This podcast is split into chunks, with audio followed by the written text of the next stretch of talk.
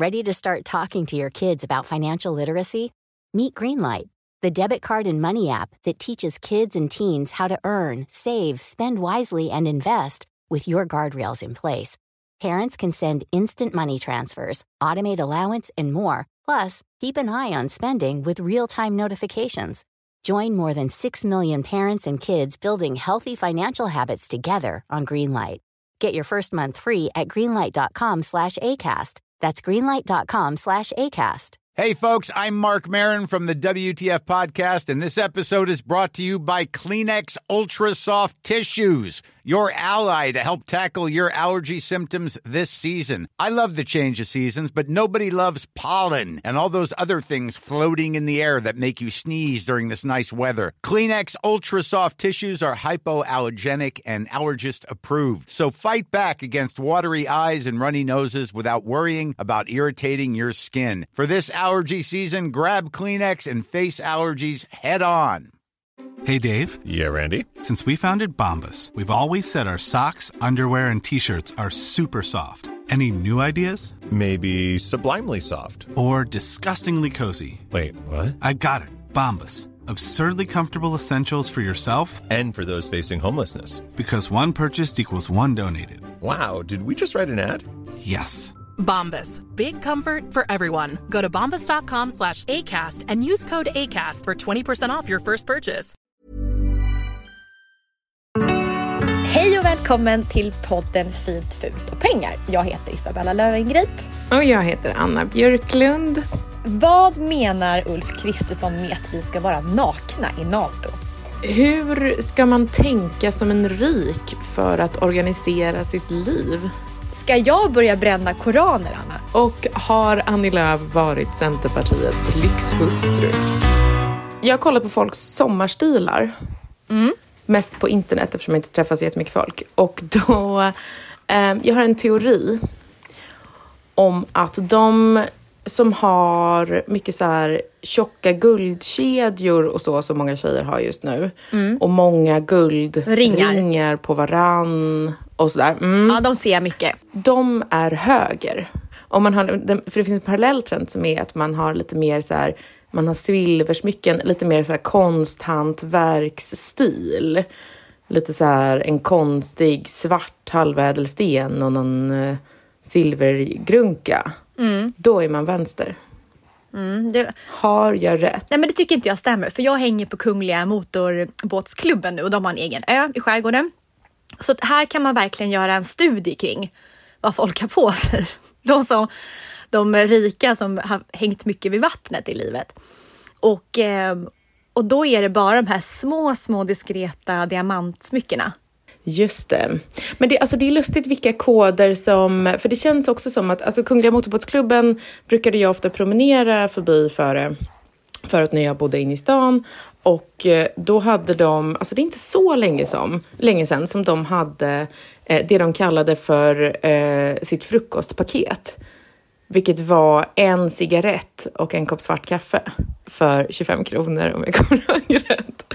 Och det känns så himla obella.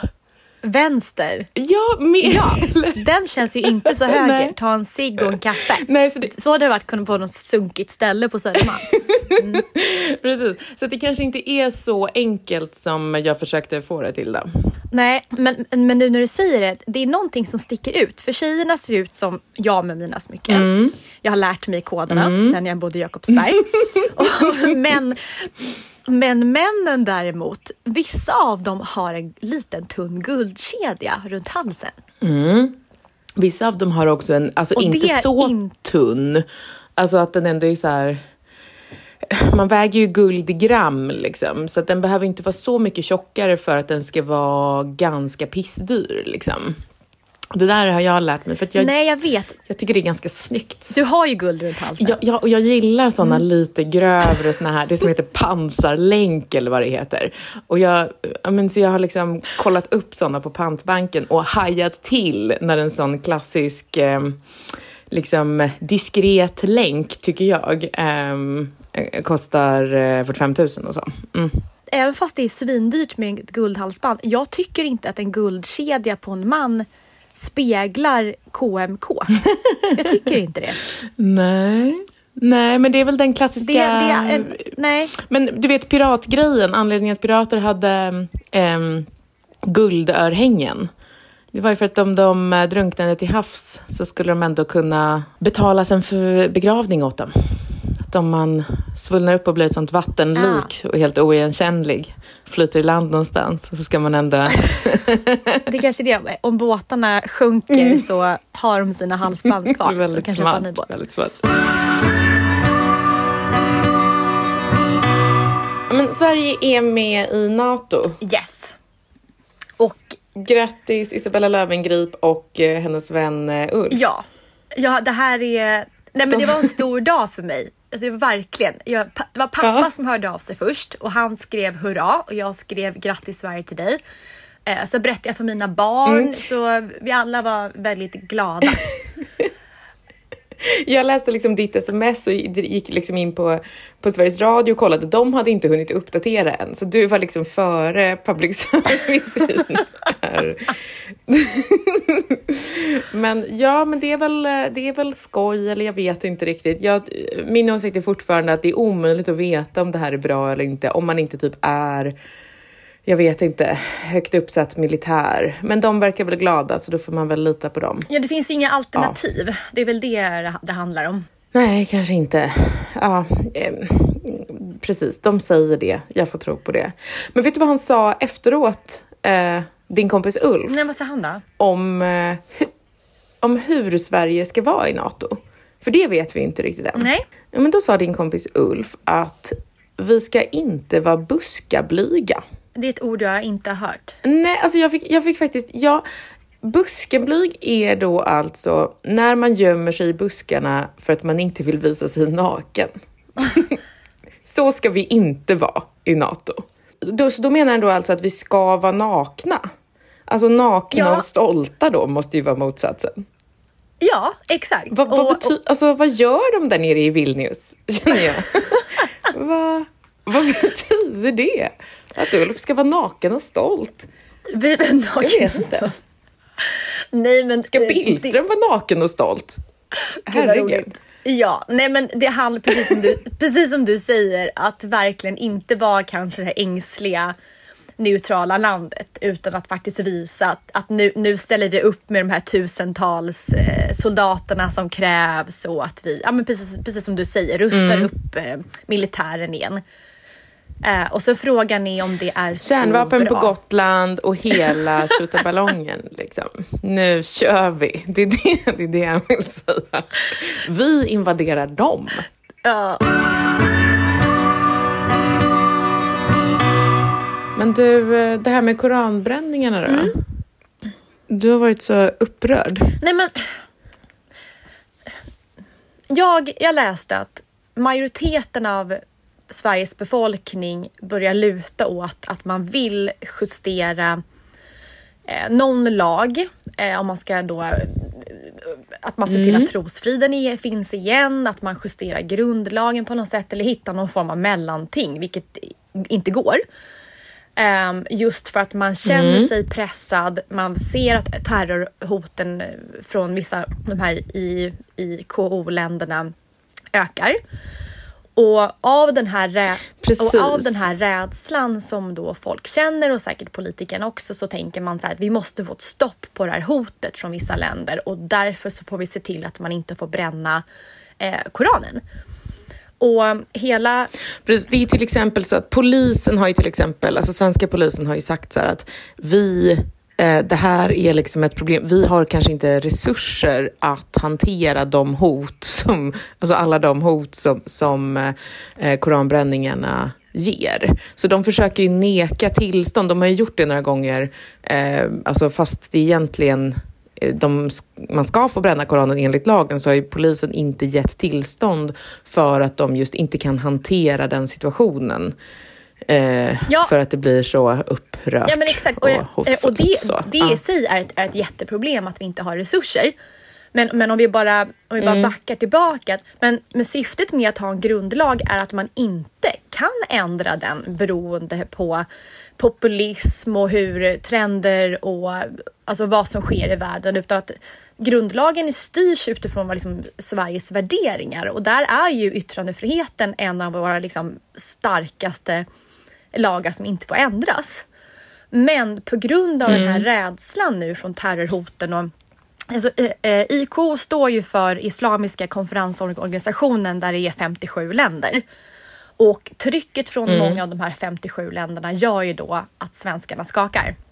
Men det jag reagerar över är just att man vill justera en grundlag på grund av rädslan. Och, och tittar man på de länder som verkligen kritiserar Sverige och bränner flaggan och allting så är ju det länder som verkligen inte är toleranta mot att man inte väljer att tro på sin gud eller om det är Muhammed, att man tror på andra religiösa, att man ber till andra gudar. Och alltså, Nej, just ja, precis. Och, och, det är det som är så konstigt. Så du tänker liksom att den, den svenska guden, alltså motsvarigheten, alltså är ju kanske yttrandefriheten då? och att det är den vi borde då lika hårt hålla fast vid som de håller fast vid sina liksom eh, dogmer. Är det så du menar? Ja, och exakt. Och islam, mm. om vi pratar om den religionen, det är ingen minoritetsreligion som, som som kan kränkas just för att det är en liten religion, utan vi pratar om världens näst största religion. Alltså den, man måste ju tåla mm, mm. och bli kränkt och hatad och att man spottar på religionen som oavsett om det är kristendom eller om det är islam. Alltså pratar vi om en pytteliten mm. religion. Vi tar buddhism som till exempel, då finns det väl en annan form av känslighet när man kritiserar religionen. Men inte ens då så ska, religion, så ska grundlagen påverkas. Så det jag är mest, det, det jag är mest upprörd över är just att de länder som kritiserar Sverige så tål man inte ens att nämna något elakt om deras motsvarande gud. Eh, och, och, och, det, är, det är fruktansvärt. Precis, och bara för att de har de här liksom, vad ska man säga, förhandlingsmetoden som är att hota med terror så, så borde inte vi liksom ge vika för det. Alltså George Bush eh, eh, eh, liksom inställningen att man, man förhandlar inte med terrorister, man bombar dem. Liksom. Du tycker vi borde köra lite mer, det kanske är, det kanske matchar vår nya att vi inte ska vara buskablyga. vi, spränger tillbaka menar du? Eller liksom, Nej, ja, och vår...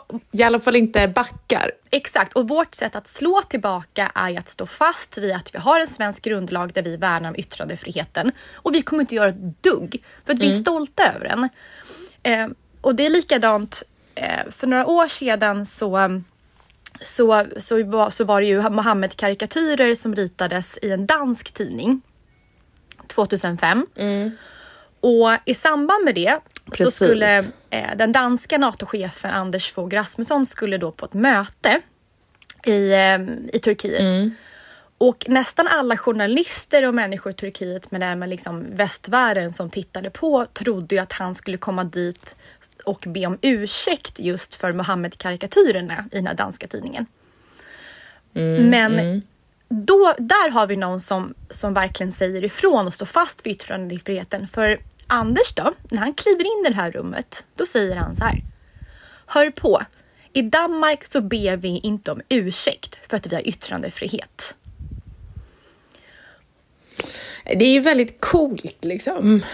Um, det tycker jag. Um, och kanske också så här hur, hur Frankrike reagerar på liksom uh, alla terrordåd där och så. Att de liksom uh, ska inte vika sig en tum från, från uh, sin liberala konstitution utan, utan nej men då skickar vi bara ut liksom fler militärer på gatorna. Alltså då får det vara så, då lever vi liksom i någon slags inbördeskrig istället. Det är ju coolt kanske. Men, men jag fattar ändå alla de, om det nu var mer än hälften av svenskarna som bara så här, ah, eller så ändrar vi bara grundlagen. Finland har en sån eh, lag eh, som är att man inte får eh, eh, bränna Koranen. Mm. Mm. Eh, och att det kanske inte är en så stor grej och då slipper vi ha typ öppet krig. För att, alltså det är ju också så, alltså det är ju någon slags ny värld nu där det är ju raskrig typ i Frankrike just nu. Um, det är typ raskrig i USA emellanåt. Alltså det är lite, eh, världen har ju liksom förändrats på det sättet att, att man får, det blir kanske så att man får välja då mellan att ha liksom väldigt mycket konflikter kring den här typen av frågor. Eller liksom att, jag vet inte, att alla får anpassa sig lite. Och jag förstår, det är, ja, ja. Och det är ju, det, det är ju, en, ett argument för att, att man säger det att våra ordningslagar och grundlagen går liksom i otakt med eh, vad som händer i världen och hur världen mm. ser ut. Eh, eh och, mm. och, det mm. finns ju en poäng med det självklart, men, men nu pratar vi om Sveriges grundlag yttrandefrihet. Alltså yttrande, ytt, mm. att vi Sverige har, att vi har yttrandefrihet i Sverige, det innebär ju att vi är ju ett land där vi liksom är en fristad för att man kan tänka olika. Alltså hela världen blir ju mer auktoritär, mm. men i Sverige så är vi just den här eh, toleranta landet där man får tycka och tänka och skända och vara arg och bränna och älska och hata. Och jag tycker att det är så viktigt att vi är så få länder i världen som är så här och därför måste vi slåss om att få ha det så här. Jag vet, men får jag säga en, ehm, en, en grej som... Ehm, vad ska man säga? Ehm, det är ju också så att vi anpassar oss ju hela tiden efter saker som händer i världen. Till exempel när Sverige, eller när Socialdemokraterna svängde i NATO-frågan och vi sen då ansökte om medborgarskap. Det första man gjorde då var ju att ändra grundlagen efter NATOs krav. Um, så att Sverige fick ju, har ju fått en, alltså en grundlagsändring som gick igenom då efter och det är ganska nyligen om det var i våras, för det var ju då ett val emellan. Eh, för det är ju så det går till när man måste ändra en grundlag så måste det vara ett val däremellan. Ehm, men den nya regeringen släppte också igenom ändringen då som är att det är förbjudet att ehm, eh, spionera. Nu ska vi se, hur är det? Det är förbjudet att spionera på eh, utrikiska samarbetspartners. Precis som att man inte får spionera liksom på eh, svenskar så ska, skulle vi då inte få spionera eller mm. liksom då samla information om eh, till exempel ett brott mot mänskligheten i Turkiet, vilket ju sker då och då, för det skulle kunna vara då utlandsspioneri. Och det är ju en grundlagsinskränkning, alltså just en inskränkning av yttrandefriheten, att vi skulle inte, eh, en journalist skulle liksom inte kunna publicera det utan att bli anklagad för spioneri. Um, som Sverige har anpassat sig efter. Ehm, just för att världen har ändrats. Ryssland gjorde några grejer, vi behövde göra några grejer och whoops, då är det annorlunda. Och precis som att så här, ja men om det finns eh, eh är det två miljoner utlandsfödda i Sverige eller något sånt där? Nej, är det en eh, miljon eh, 25 procent ja. av Sveriges befolkning är utlandsfödda ja, från olika länder. Precis. Och ja, då kanske det, det är också en ganska stor grej. Um, det, det, det kommer nog ha sina konsekvenser på ganska många håll. Liksom. Jag vet inte. Alltså jag, jag fattar dem som, som bara säger ja, nej. Men jag håller med Man får vara pragmatisk. Jag, det är väl tråkigt. Jag håller med om att, ja. att, att, äh, att, gå med i NATO och sen också äh, även där behöva liksom förflytta gränserna på yttrandefriheten för att kunna gå med i NATO det är ju ett exempel, precis mm. som du säger, där vår grundlag måste justeras efter för, vår, för vår, var vi är i vår tid. Men, men, men där är ytterligare mm. ett, ett exempel på att vi måste hålla fast vid vår yttrandefrihet så mycket som det går när sånt där sker. Och att inte istället bara se så här att ja, men vad bra, nu har vi börjat ändra och justera för, för resten av världen, utan snarare tvärtom. Så här, okej, okay, vi gick med i NATO för att vi inte har några alternativ utifrån hur världen ser ut, men vi håller fast vid allt annat som vi kan som har med yttrandefriheten att göra. Mm Så att, och, jag, och som du säger, om man tittar på så här, det här är rent liksom, teoretiskt, men sen rent praktiskt, när du, som du började prata om att vi har en polis som också ska stå där och försvara.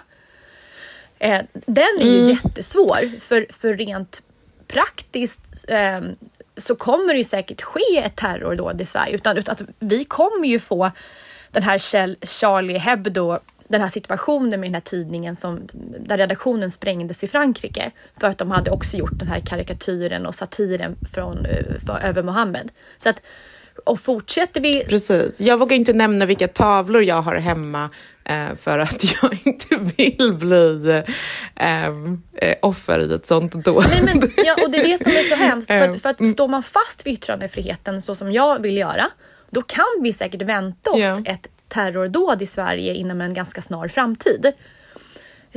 Eh, Och sen, Ja men och de, lägger, alltså, de, de, de stoppar ju terrordåden hela tiden dag. också. Alltså, det är ju... Ja, och att, liksom, eh, att röra sig i Stockholms innerstad, det är ju en helt annan liksom, polisnärvaro och har varit det senaste halvåret. Alltså, då menar jag inte liksom, att de tar några pundare i Björns trädgård, utan liksom, att, de bara, att det bara står några liksom, piketer vid Slussen där det passerar mycket pendlare. Att det bara står några, alltså helt liksom, vardagliga eh, människor, vardagliga sammanhang, så är det liksom bara snutar överallt. Liksom. Ehm, så har det ju varit i Sverige. Det är inte riktigt ännu som i Frankrike att det just går runt killar i eh, sån liksom snedbasker och k-pist eh, på eh, trottoaren liksom och visslar. Um, men, men det kan ju vara så att det är där vi hamnar också. Och egentligen, jag tycker att det är lite samma fråga som det här med NATO. Liksom att frågan är ju så här, ska man, ska man vika sig för omvärlden eller inte? För typ freds, fredsrörelsen, de är ju också så bara, nej men vi borde vara liksom den sista utposten.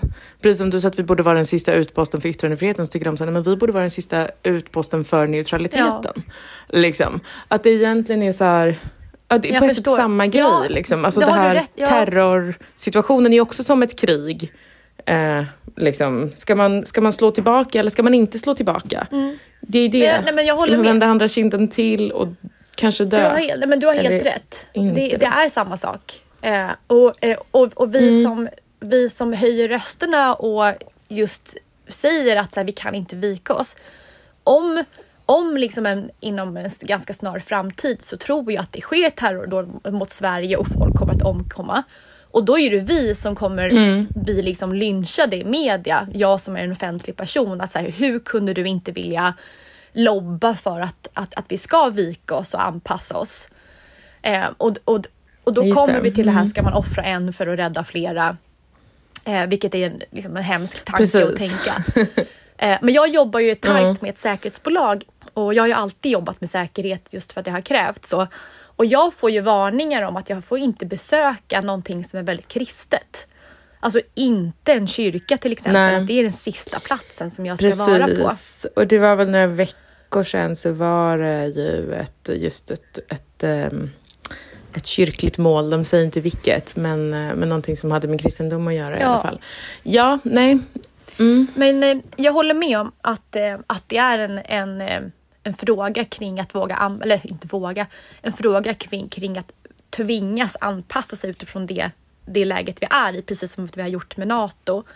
Men, men det är just någon, någonstans så blir man principfast och säger att när, om det är Turkiet och det är Iran och det är Saudi som säger att vi eh, att vi måste va- vara toleranta så är de själva i landet de mest intoleranta länder som finns. Och det är snarare det jag har hakat upp mig på. En rolig grej var ju också att, att det eh, bland kvinnor så är det en ganska tydlig majoritet som bara tycker så här, vadå, ja vi får väl ändra vår lag, det är väl inte hela världen.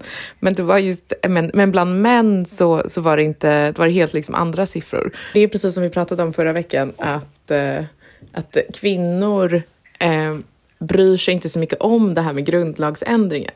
Nej, och det är ju det är ju min och alla mäns åsikter som har förstört denna värld.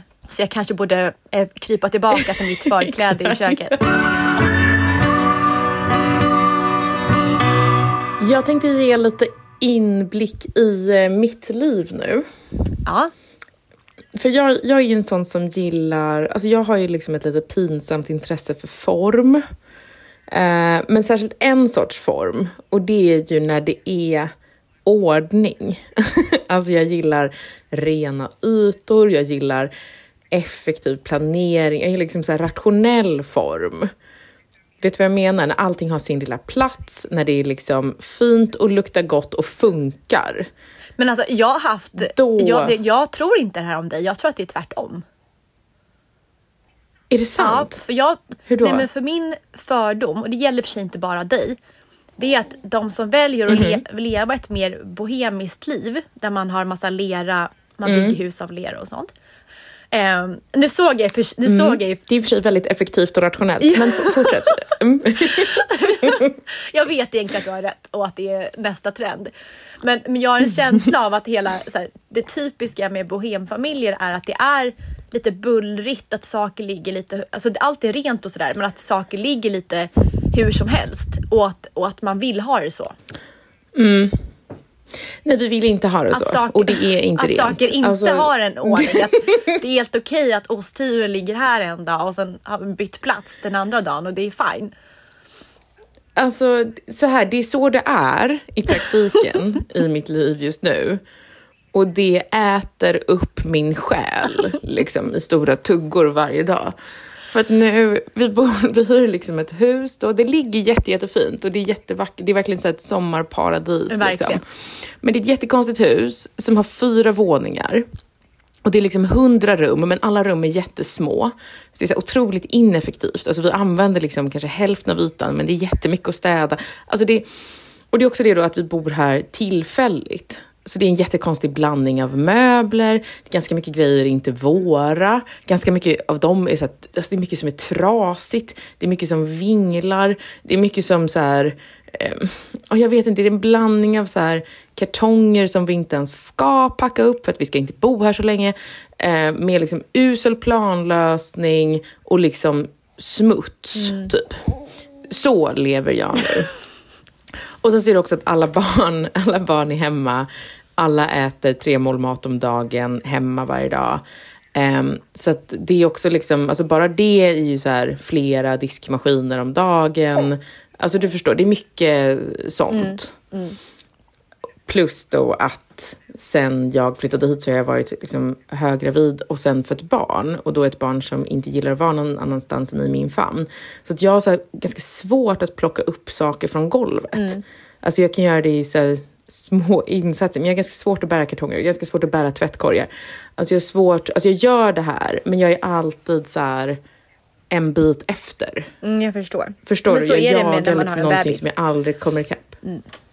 Precis, så, så är det ju. Men, men om jag blir liksom lugn och glad och känner eh, någon slags ro när allting är, när ytorna är rena och allting är liksom, eh, varje sak har sin plats. Alltså, du, du kan tänka dig då liksom hur, alltså jag mår, jag mår eh, aktivt dåligt av det här. Jag är motsatsen till liksom rofylld Mm, jag förstår. Mm. det låter kanske bortskämt att så här, vi hyr ett så stort hus, buhu, det är jobbigt att städa. men, men, men det är liksom, men igår hade jag lagt hela förmiddagen på att skura och sen så tittade jag bort, jag skulle väl så här, laga mat eller någonting, eh, eller kanske försöka jobba en timme och då på kvällen då hade liksom mina barn släpat in så här 16 vedträn och typ grus och byggt en snigelpark på mattan i vardagsrummet. Alltså så är det liksom hela tiden. Så att allting måste liksom börja om från början. Alltså varje timme. Det spelar liksom ingen roll hur mycket jag anstränger mig. Men, du? men erkänn, är inte du lite stolt när barnen gör en, en snigelpark inomhus istället för att sitta med iPaden?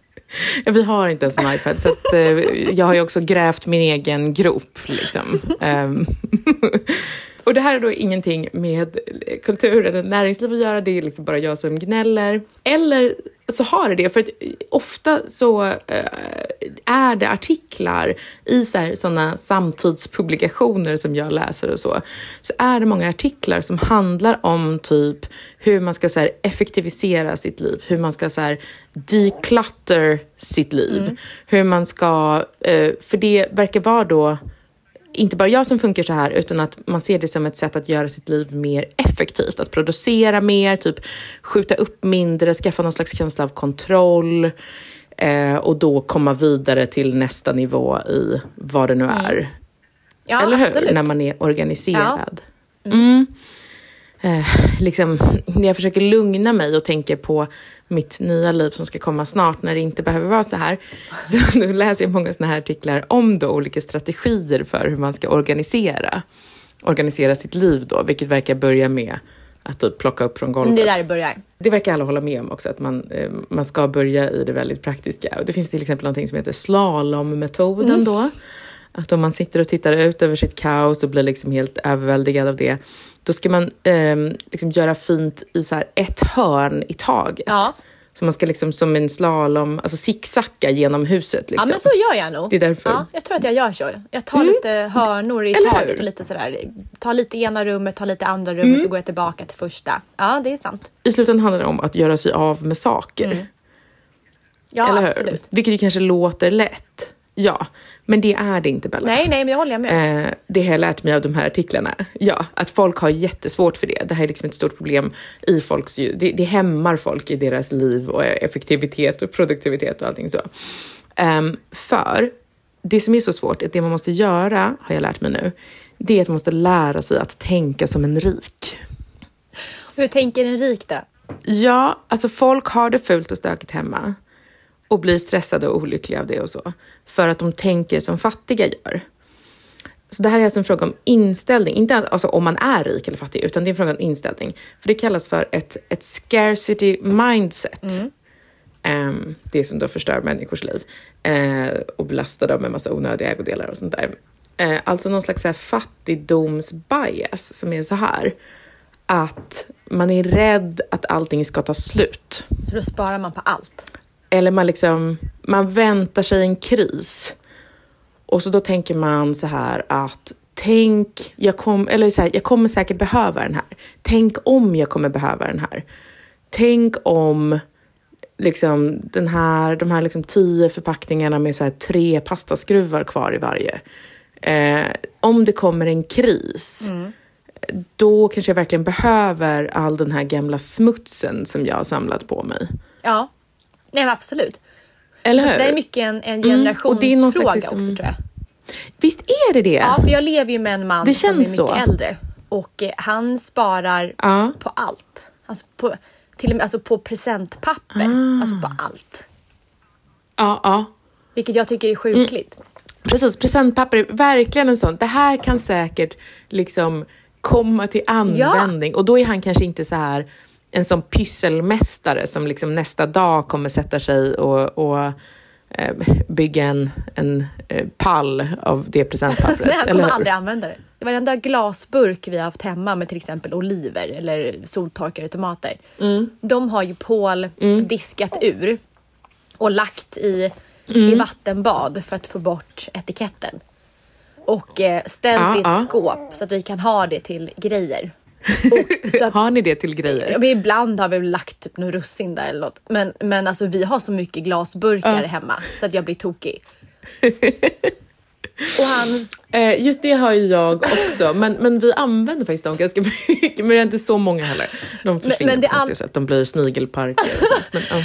Men, men det allra värsta som han går och sparar, det är, vi, han köper väldigt mycket apelsinjuice i så här plastförpackning. De sparar han också för att han tänker att det kan vara bra att ha vattenflaskor. Men nu, Oj, men så ja. vi har väldigt mycket tomma sådana juiceflaskor hemma. Men nu har jag sagt till honom, jag, jag har säkert ljugit, jag tror inte det är sant, Ja. Att den typ av plast läcker så farliga ämnen. Att, och att man Jag tror faktiskt att det Ja. är sant. Särskilt om man, har den, om man typ ställer den i solen. Eh, så, för de, den är ju känslig för att hettas upp sån plast. Exakt. Jag tror inte det är alls så bra. Ja, så nu har jag sagt till honom att vi sparar bara vattenflaskor och så slänger vi de här konstiga plast i plastförpackningarna. Ja. Mm. Det låter smart. Jag var faktiskt hemma hos en släkting en gång som där jag öppnade liksom ett skåp och så bara rasade det ut gamla tepåsar. Eller inte tepåsar, utan det, de här små liksom pappersförpackningarna som varje tepåse ligger Ja. i. Ja, det har vi hemma Eh, också. och då hade hon sparat kanske 1200, nej jag vet inte, tusentals sådana i ett skåp för att de är så bra att skriva handlingslappar Det är på. ju jätteroligt. Hade Paul hört det här, han sagt Ja, gud vad smart. eh, gud vad smart, ja. ja men det, eh, det kan ju också vara så att alla kanske inte känner sig lika tyngda av, av saker. Alltså alla kanske inte gillar rena ytor eller liksom känner, alltså alla blir inte stressade av att ha massa grejer på golvet. Vissa tycker väl det är nice, jag vet inte. Eller? Ja, men Men jag, fast, Ja. fast det hade, jag tror, Paul kanske är jag sån. tror ändå, det är ändå värre att vara en jag är rik inställning till saker. Så det är ju ändå egentligen Mm. mer det gör ju ändå mer skada för det innebär att du slänger ju allt och köper nytt. Alltså jag ska, mitt mål är kanske att leva som en, alltså någon som var väldigt rik på så här under renässansen. Mm. Alltså att man bor kanske i ett stort fint hus, eh, men det är tomt.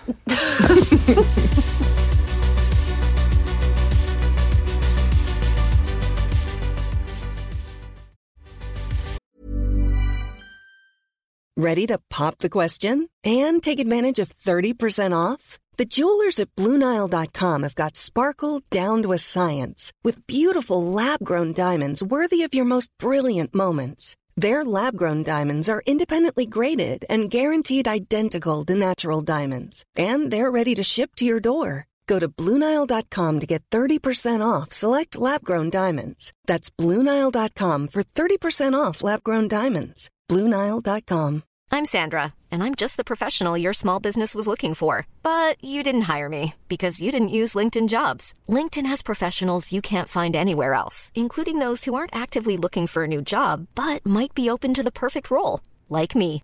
In a given month, over 70% of LinkedIn users don't visit other leading job sites. So if you're not looking on LinkedIn, you'll miss out on great candidates like Sandra. Start hiring professionals like a professional. Post your free job on linkedin.com/spoken slash spoken today. Ready to start talking to your kids about financial literacy? Meet Greenlight, the debit card and money app that teaches kids and teens how to earn, save, spend wisely, and invest with your guardrails in place. Parents can send instant money transfers, automate allowance, and more. Plus, keep an eye on spending with real time notifications. Join more than 6 million parents and kids building healthy financial habits together on Greenlight.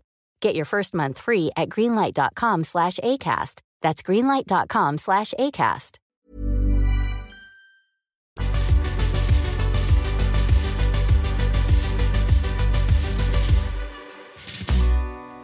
Du och jag har ju pratat om skillnaden på kulturvärlden och näringslivet några gånger. Ja, absolut. Det är en del av vad podden Och- handlar om. Ja. Vad är skillnaderna? Vad är det vi kom fram till? Det är typ att eh, eh, lyckas man i näringslivet så får man så här massa pengar, trygghet och respekt. Mm. Och lyckas man i kulturlivet får man kanske rabatt i baren och en Ja, örfil. lite respekt kanske. Ja. Men that's it. Precis. Man får folk som vill ligga med en, men kanske inte så mycket Nej. med. Um, ungefär det vi kom fram till. Men nu tänkte jag nämna en annan skillnad. Alltså där det är så här lite märkligt hur det fungerar bara. Det är då mellan näringslivet och politiken.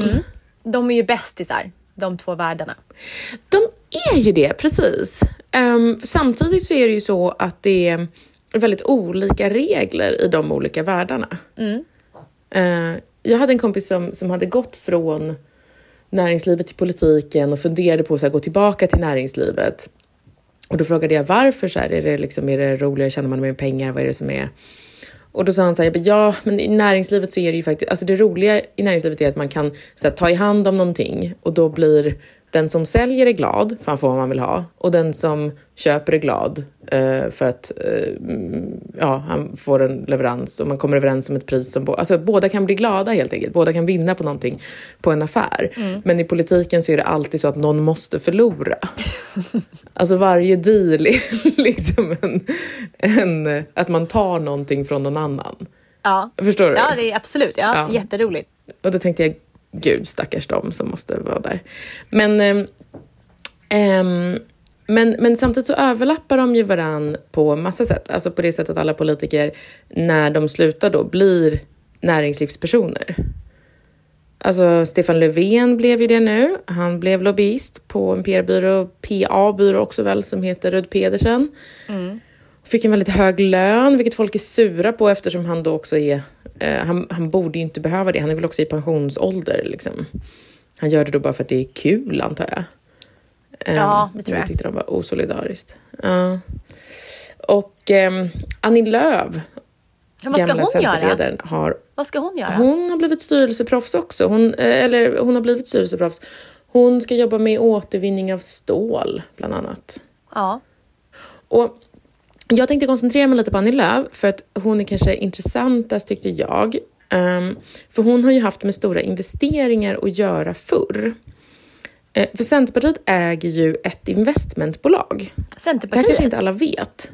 Ja, Nej, det visste inte jag. alltså de äger ett investmentbolag som heter Randello Invest som har två miljarder kronor i tillgångar. Okej. De är ju mycket, mycket rikare än andra partier. De har många fler anställda än andra partier. De kan göra mycket mer marknadsföring än andra partier eh, och liksom bränner mycket mer pengar för att de är så rika. Och särskilt då under Annie Lööfs tid. Under hennes tid så har de plockat ut 1,1 miljarder från Randello Invest. Alltså själva partiet har plockat ut de här pengarna. Ja, men precis. Men eh, det är en del.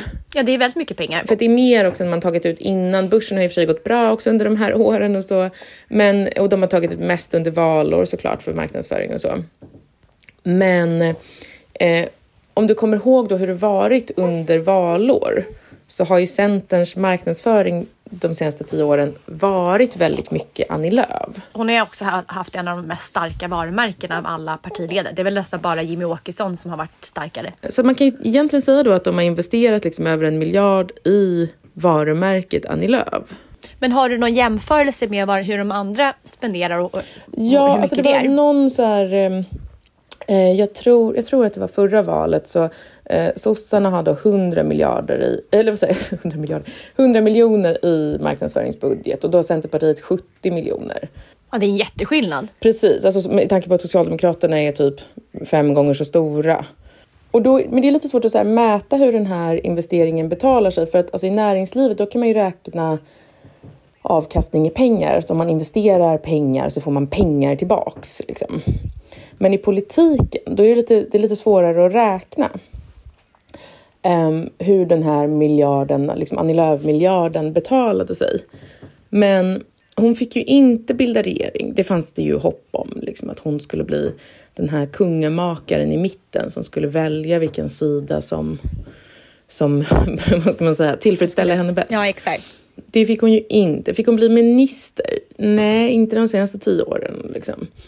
Fick de, liksom, blev de, fångade de upp hela mitten och blev ett sånt så här mitten eh, 20 procents parti som det finns i många andra europeiska länder? Nej. Utan de är ju mindre än någonsin typ. Och dessutom då, så det hon lämnar efter sig är då ett centerparti där de har massa, haft massa tunga avhopp. De, de, den nuvarande eh, partiledaren, jag tror han har lägst förtroende av alla partiledare någonsin mätta. Alltså att han är liksom, det finns typ ingen som vet vem han är. Det enda de vet i så fall att han liksom är, slåss eh, och är dömd för det. Ehm, och, men, så det, är liksom, det, det är ju inte så här, just nu ser det inte så här superstarkt ut.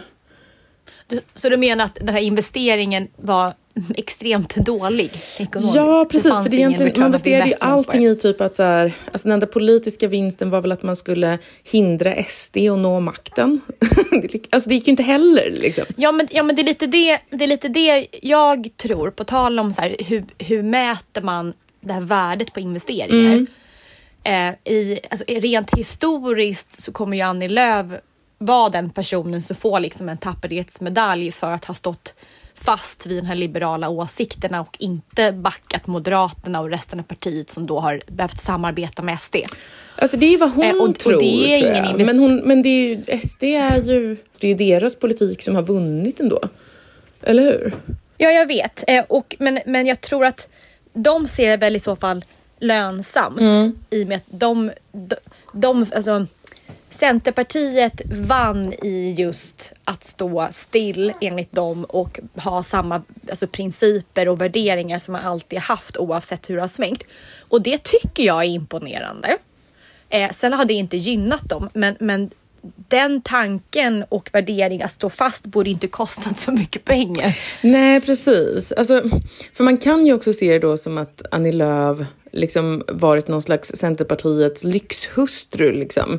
Som, som liksom genom sitt... Vad ska man säga? Det håller jag inte med om. Nej. Nu var du hård. Ja, men hon, hon har bränt väldigt mycket pengar på ett projekt som skulle kunna... Alltså just nu ser det ut som att det var ganska fåfängt. Eh, liksom. Att det, det var... Det handlade... eh, det, det gav inga reella resultat på något sätt. Alltså mer än då att det smekte Nej, hennes men så kan man ju alltid... Nej, men det går ju, liberala ego kanske. Nej, men det går ju alltid att vara efterklok. Det skulle ju kunna blivit den här 20% smitten Mm. som faktiskt alltså, blev en, en, en del i politiken som, som stod upp för de liberala värdena. Mm. Eh, Men, men nu blev det inte så. så jag, jag tycker det var väl ändå bra att våga ta den, våga ta den risken med de här Ja, pengarna. det. För det här var ju någonting som de, de tror väldigt, väldigt starkt på och hade förhoppning om att det fanns väldigt många Just det, andra du i menar att hon som- passar i näringslivet också då för att hon liksom är en sån eh, eh, tuff risktagare liksom som vågar eh, satsa allt på sig själv. ja. Ja men, ja, men så. Och, och jag, jag röstade ju på Centerpartiet där i ett val. Sen jag röstade på Moderaterna i de andra.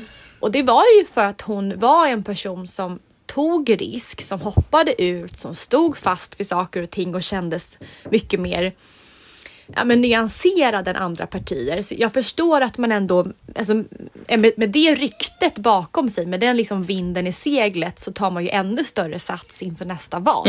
Men så gick det inte på samma sätt just för att hon då, vad jag tycker, bytte sida. Det är ändå lustigt liksom i, i det här, den här relationen då mellan politiken och näringslivet. Att näringslivet alltid står där och väntar, liksom oavsett vilka resultat de har nått. Varken Löfven eller Annie Lööf är det väl liksom... Man minns inte dem som liksom några så här supervinnare kanske.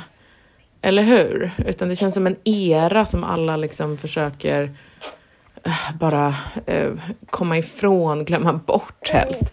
Eh, men ändå så står de och väntar och erbjuder dem, ja, jag vet inte, eh, allt möjligt. Så fungerar det liksom alltid. Och jag, jag tänker bara, tänk om det kunde funka på samma sätt från kulturvärlden. Att folk bara gav dem pengar och så får man se, se hur det Nej men att man går, kan göra så så att man man liksom satsar, satsar, satsar, misslyckas, misslyckas, misslyckas, kommer ur det utan liksom, man har ingenting kvar, man har liksom eh, sänkt en hel eh, organisation, institution och, och sen då bara valsa in som styrelseproffs istället. Det, det, hade, det hade väl varit något.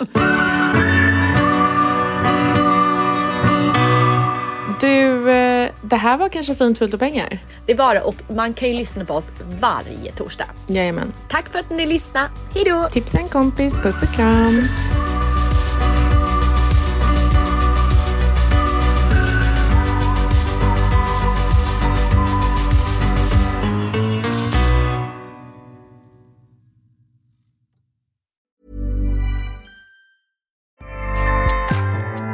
ACAST powers the world's best podcasts. Here's a show that we recommend. Are you a reality TV junkie? Do you ever think, dang, I wish I had someone to talk to about all the trash TV that I watch? Well, look no further, garbage lover, because Reality Gaze is a podcast for you. Hello, I'm Maddie. And I'm Poodle, and we're the Reality Gaze. We talk about all your favorite unscripted shows like The Golden Bachelor, Love is Blind, and TLC's big, messy behemoth 90 Day Fiancé. And if you're driving to work, folding laundry, or just pretending to listen to your husband talk about sports, Just put on the pod, and you've instantly got two gay besties spilling all the tea and reading these people for filth. so come at us, y'all. Find Reality Gaze wherever you listen to podcasts.